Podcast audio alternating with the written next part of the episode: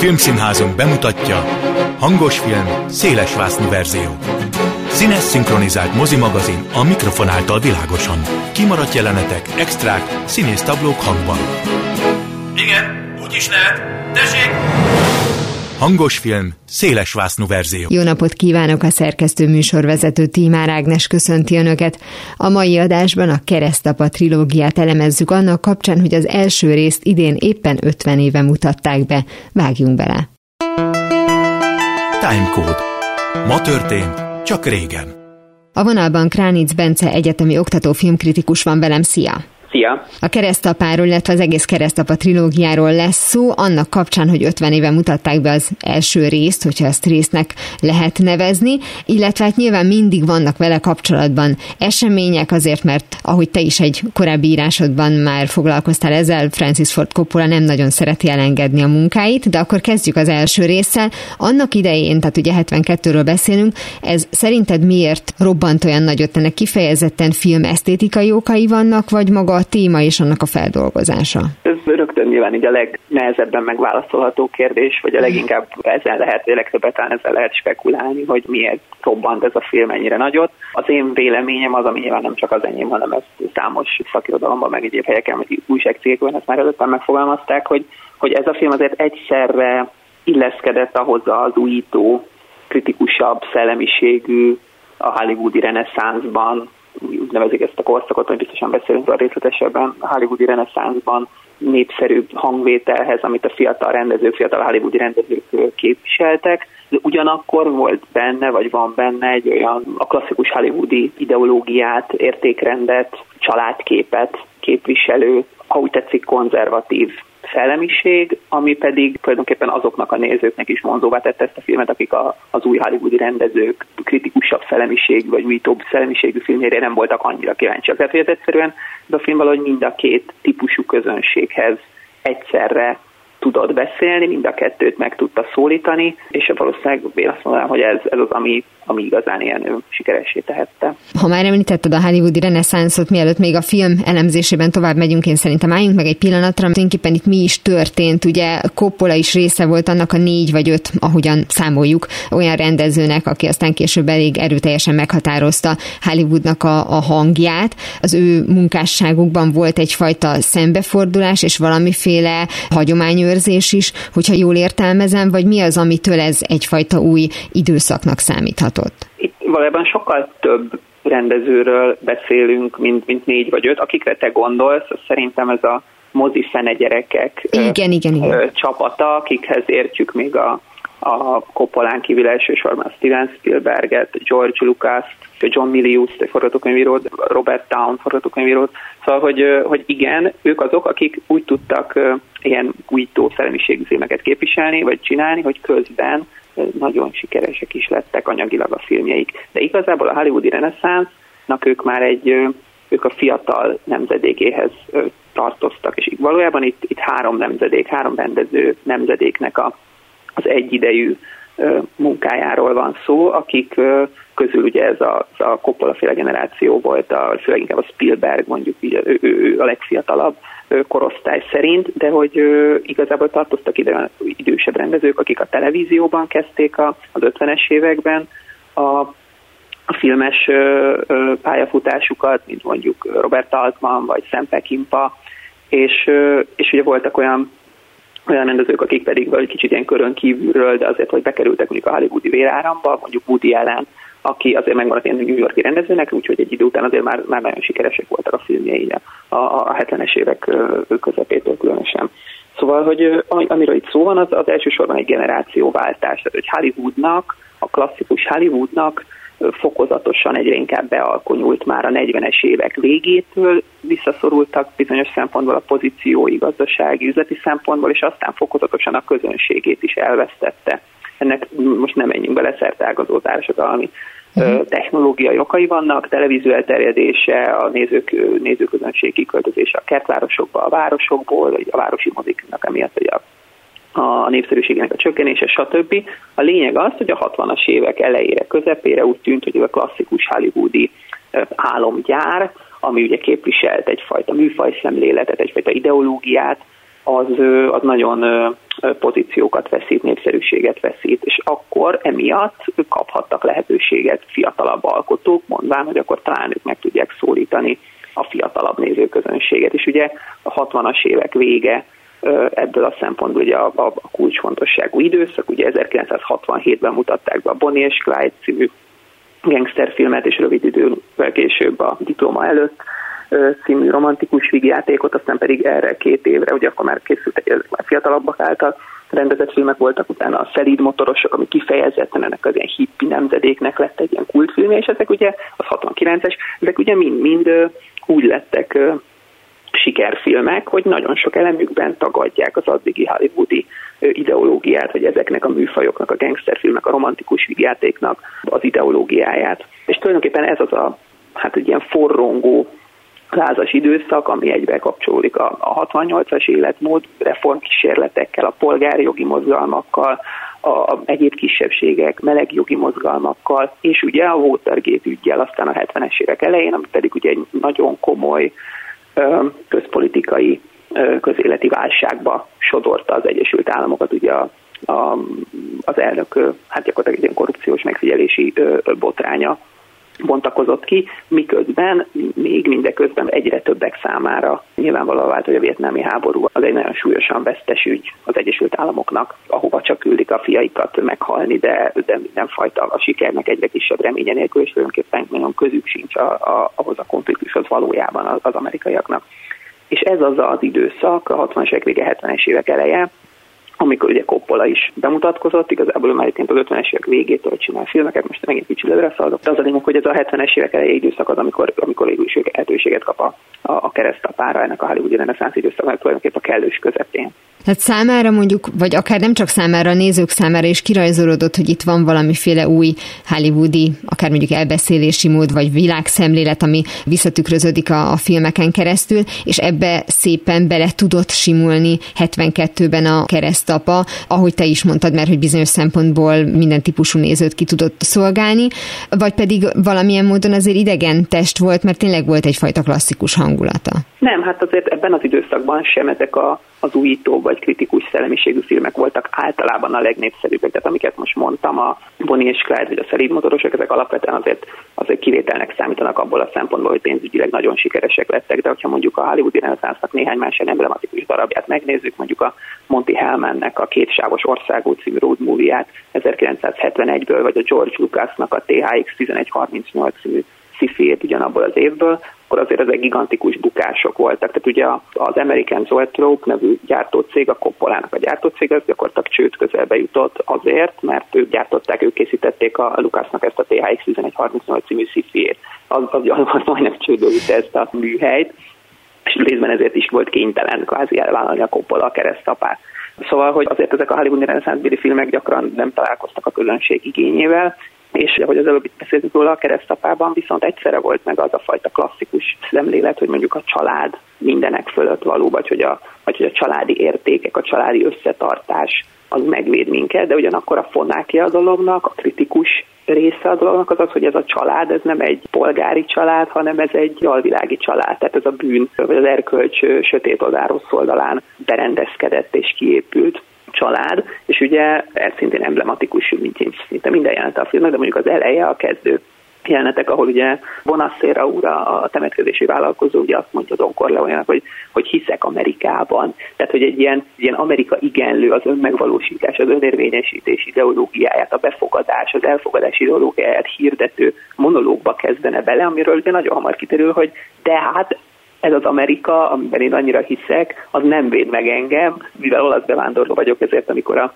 lányát ugye megerőszakolják, és megveri a, egy, egy amerikai fiú, akkor, akkor őt elhajtják a rendőrök, és nem védjük meg az igazságszolgáltatás, és ezért kénytelen Don Corleonehoz, a keresztapához fordulni, hogy akkor ő szolgáltasson neki igazságot. Tehát, hogy a, a hivatalos Amerika, az establishment Amerikája, az nem védi meg az átlagembert, hanem valamiféle törvénytelen megoldást kell keresni. Ugye ez, ez az a kritikus mag ebben a filmben, ami, ami abszolút azt mondanám, hogy az új hollywoodi kritikus szellemiséghez, establishment ellenes szellemiséghez illeszkedett, ugyanakkor mégiscsak az a berendezkedés, amit látunk, az pedig egy ilyen egy tradicionális családi értékeket mindenek előtt szentségként kezelő berendezkedést mutat, ami pedig nagyon is illeszkedik az hollywoodi értékvilághoz. A sikere az tulajdonképpen részben annak is köszönhető, hogy nagyon arányosan jelenik meg az a társadalomkritika, amiről eddig beszéltél, és amivel nyilván találkozott a kornézője, és az a fajta család regény, ami miatt személyessé válhat egy történet, miközben a nézőnek borzasztó nehéz dolga van, hiszen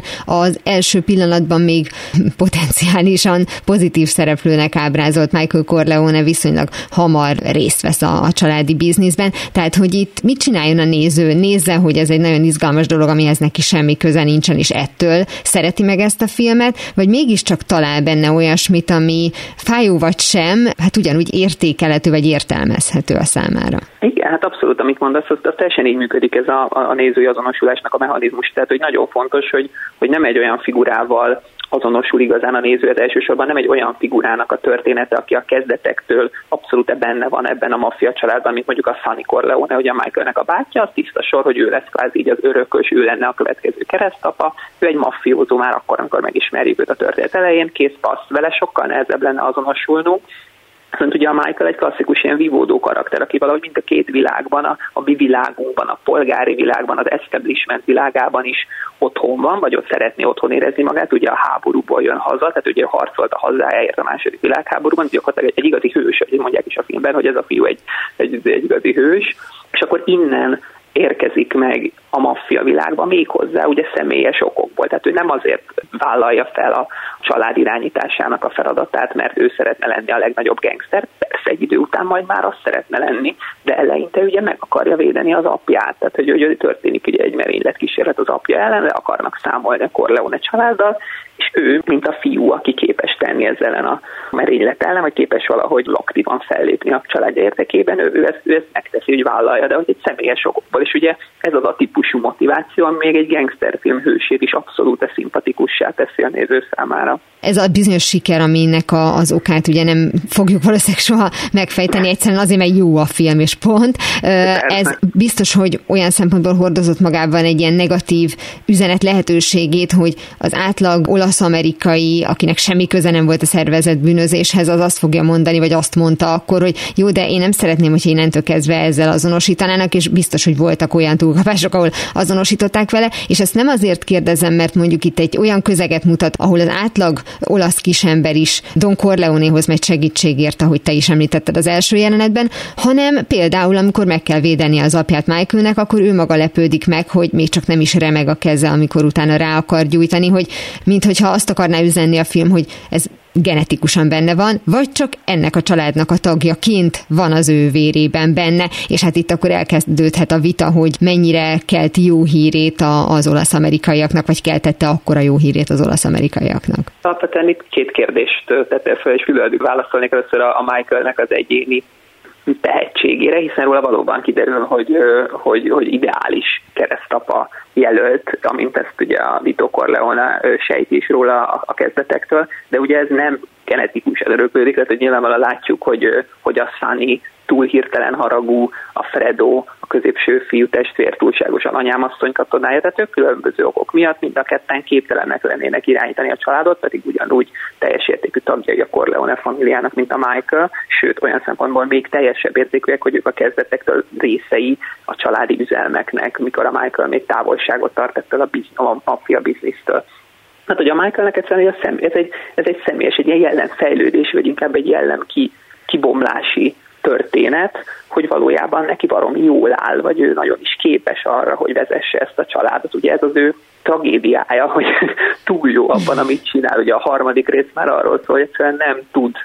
kiszállni, tehát hogy nélküle összeomlik ez a birodalom, mert, mert egyszerűen így ő alkalmas arra, hogy ezt, ezt csinálja. És a másik, amit mondasz, az az olasz-amerikaiak ról alkotott kép, hát ugye ebben is azért egy ügyes történet, ugye a Mario Puzo nevű hát konyva írónak a, a legsikeresebb regénye, amiből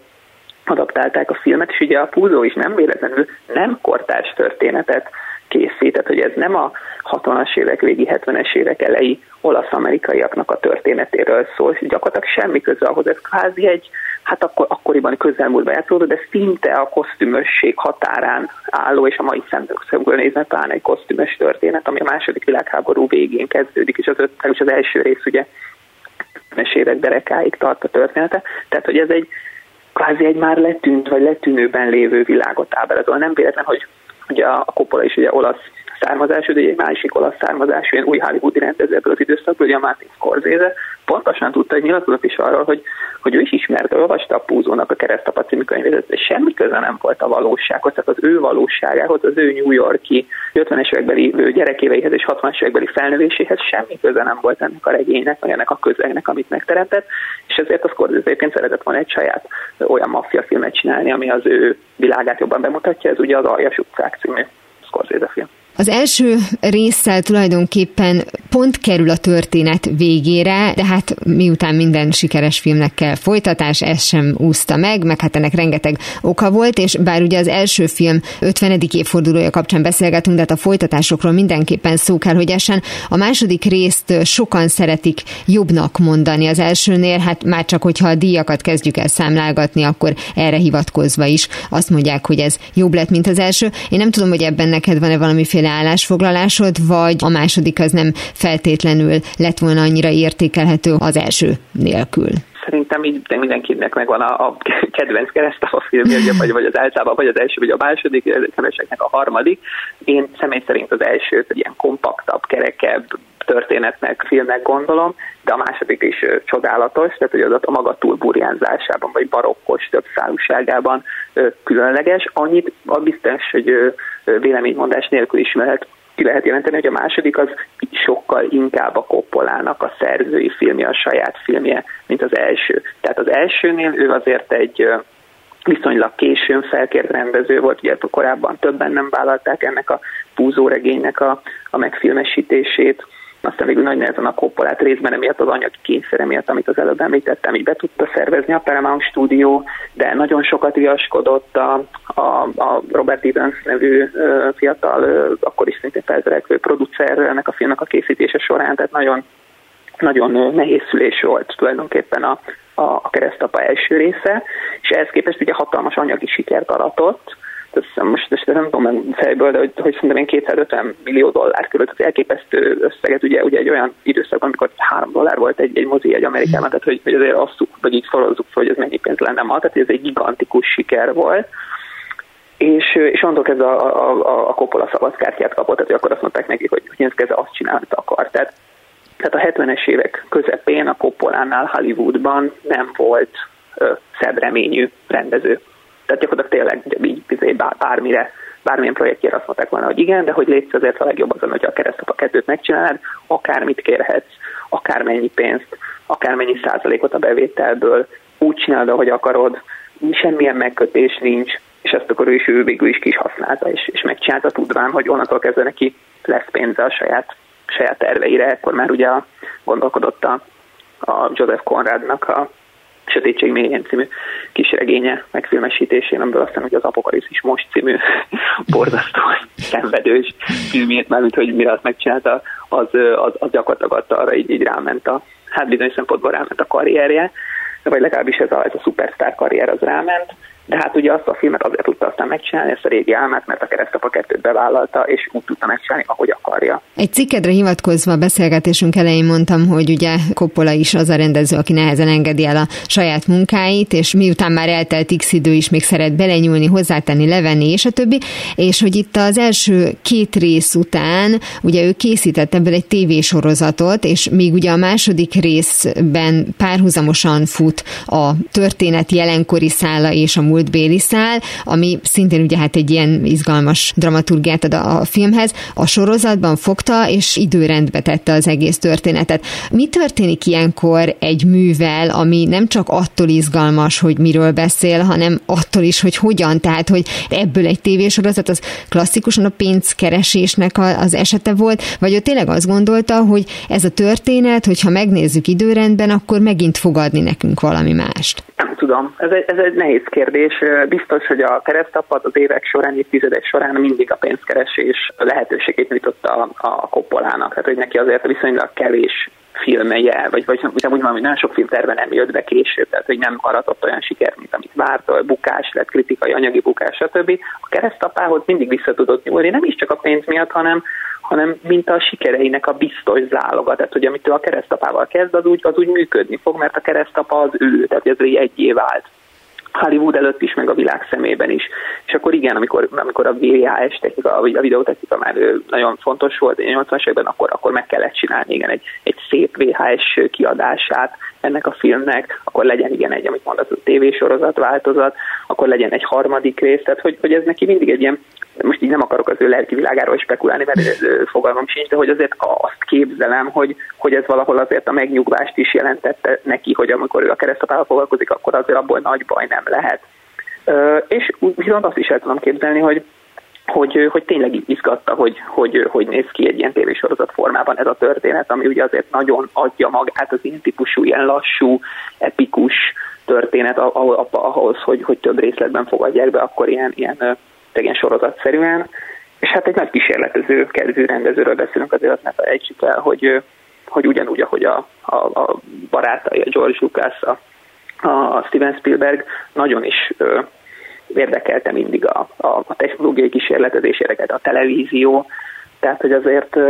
én még azt is látom képzelni, hogy nem csak a pénzkeresés motiválta. De hogy pénzkeresés vagy sem a harmadik részre azért is szeretnék áttérni, mert mondtad, hogy ez lehet egyfajta megnyugvás is neki, hogy kimaxolja tulajdonképpen a lehetőségeket egy bizonyos filmből, de hát úgy tűnik, hogy ez nem végleges ez a belenyugvás, hogy már pedig készen vagyok a, a filmmel, hiszen ugye 2020 végén vágta újra a Keresztapa hármat, és erre azért érdemes kitérnünk, mert hogyha valakinek mondjuk azt, hogy Keresztapa, akkor nagyon sokan rávágják, hogy de hát a harmadikra inkább ne is gondol gondoljunk. És ma meg már azt mondjuk, hogy de hát ez is mondjuk szerves része ennek az egésznek, és a maga helyén kell kezelni. Nem tudom, hogy te mennyire tartod ezt mostoha gyereknek, a harmadik részt, illetve hogy ez az újravágás ennek tényleg mi volt a funkciója?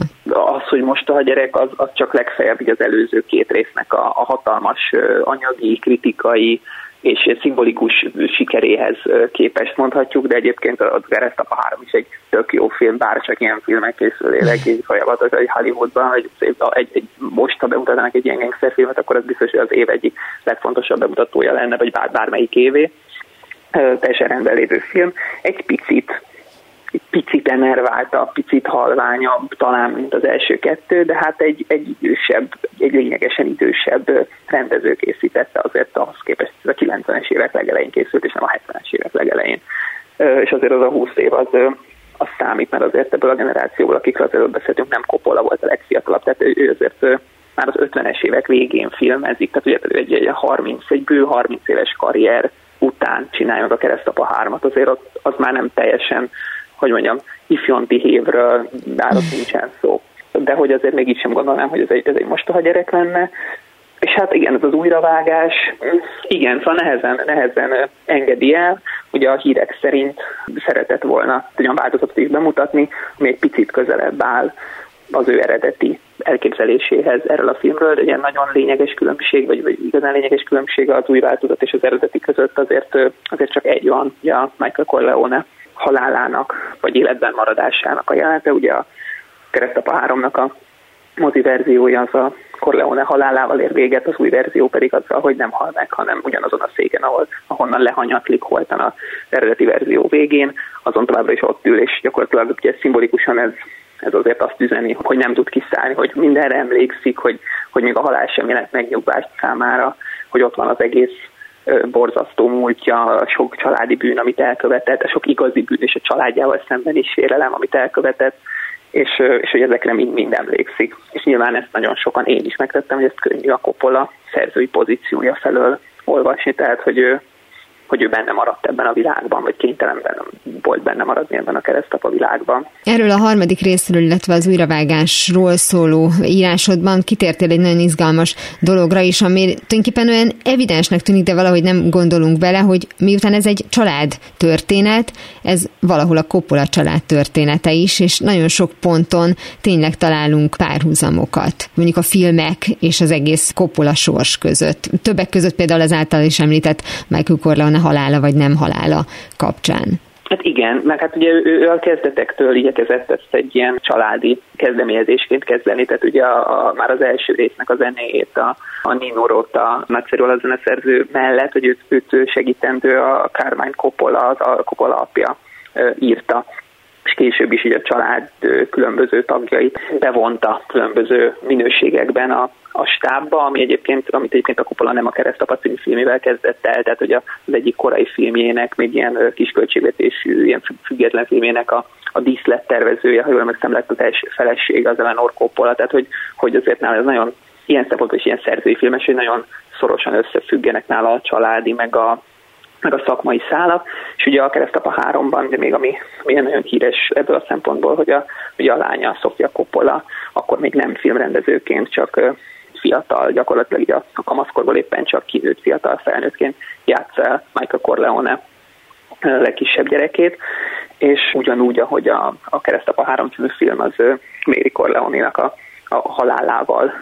teljesen ártatlan lánynak a halálával ér véget. Ehhez picit hasonlóan, vagy párhuzamban, sokan mondtak párhuzamot e között, és a között, hogy amikor bemutatták a filmet, akkor sokan éppen a kritikusok éppen a, a Sofia Coppola alakítását húzták le, és őre mutogatva írták azt, hogy ez a film gyengébb az előző két résznél. Hát szerintem mondjuk ennek tükrében nagyon sokan újra fogják nézni a harmadik részt, és lehet, hogy kicsit megengedőbbek lesznek, hogyha eddig nem szerették, mert nem igen, mert ugye nagyon sok izgalmas apróság van benne, vagy akár mondjuk az újravágott verzióban is, hogy más lesz ezáltal az egésznek a hangulata. Nagyon szépen köszönöm Kránic Bence egyetemi oktatónak, filmkritikusnak, hogy mindezeket elmondta a Keresztapa trilógiáról.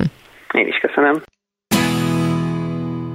Ez volt már a hangos film szélesvásznú verzió, legközelebb ismét szombaton délután fél kettőtől várom önöket. Természetesen a korábbi adásokat, ahogy a mait is hamarosan megtalálják archívumunkban, illetve podcastként. Kövessenek minket a Facebookon, és ha még nem tették, iratkozzanak fel YouTube csatornánkra. Köszönöm a figyelmüket, a szerkesztő műsorvezetőt Tímár Ágnest hallották. Viszont hallásra! Hangos film, széles verzió.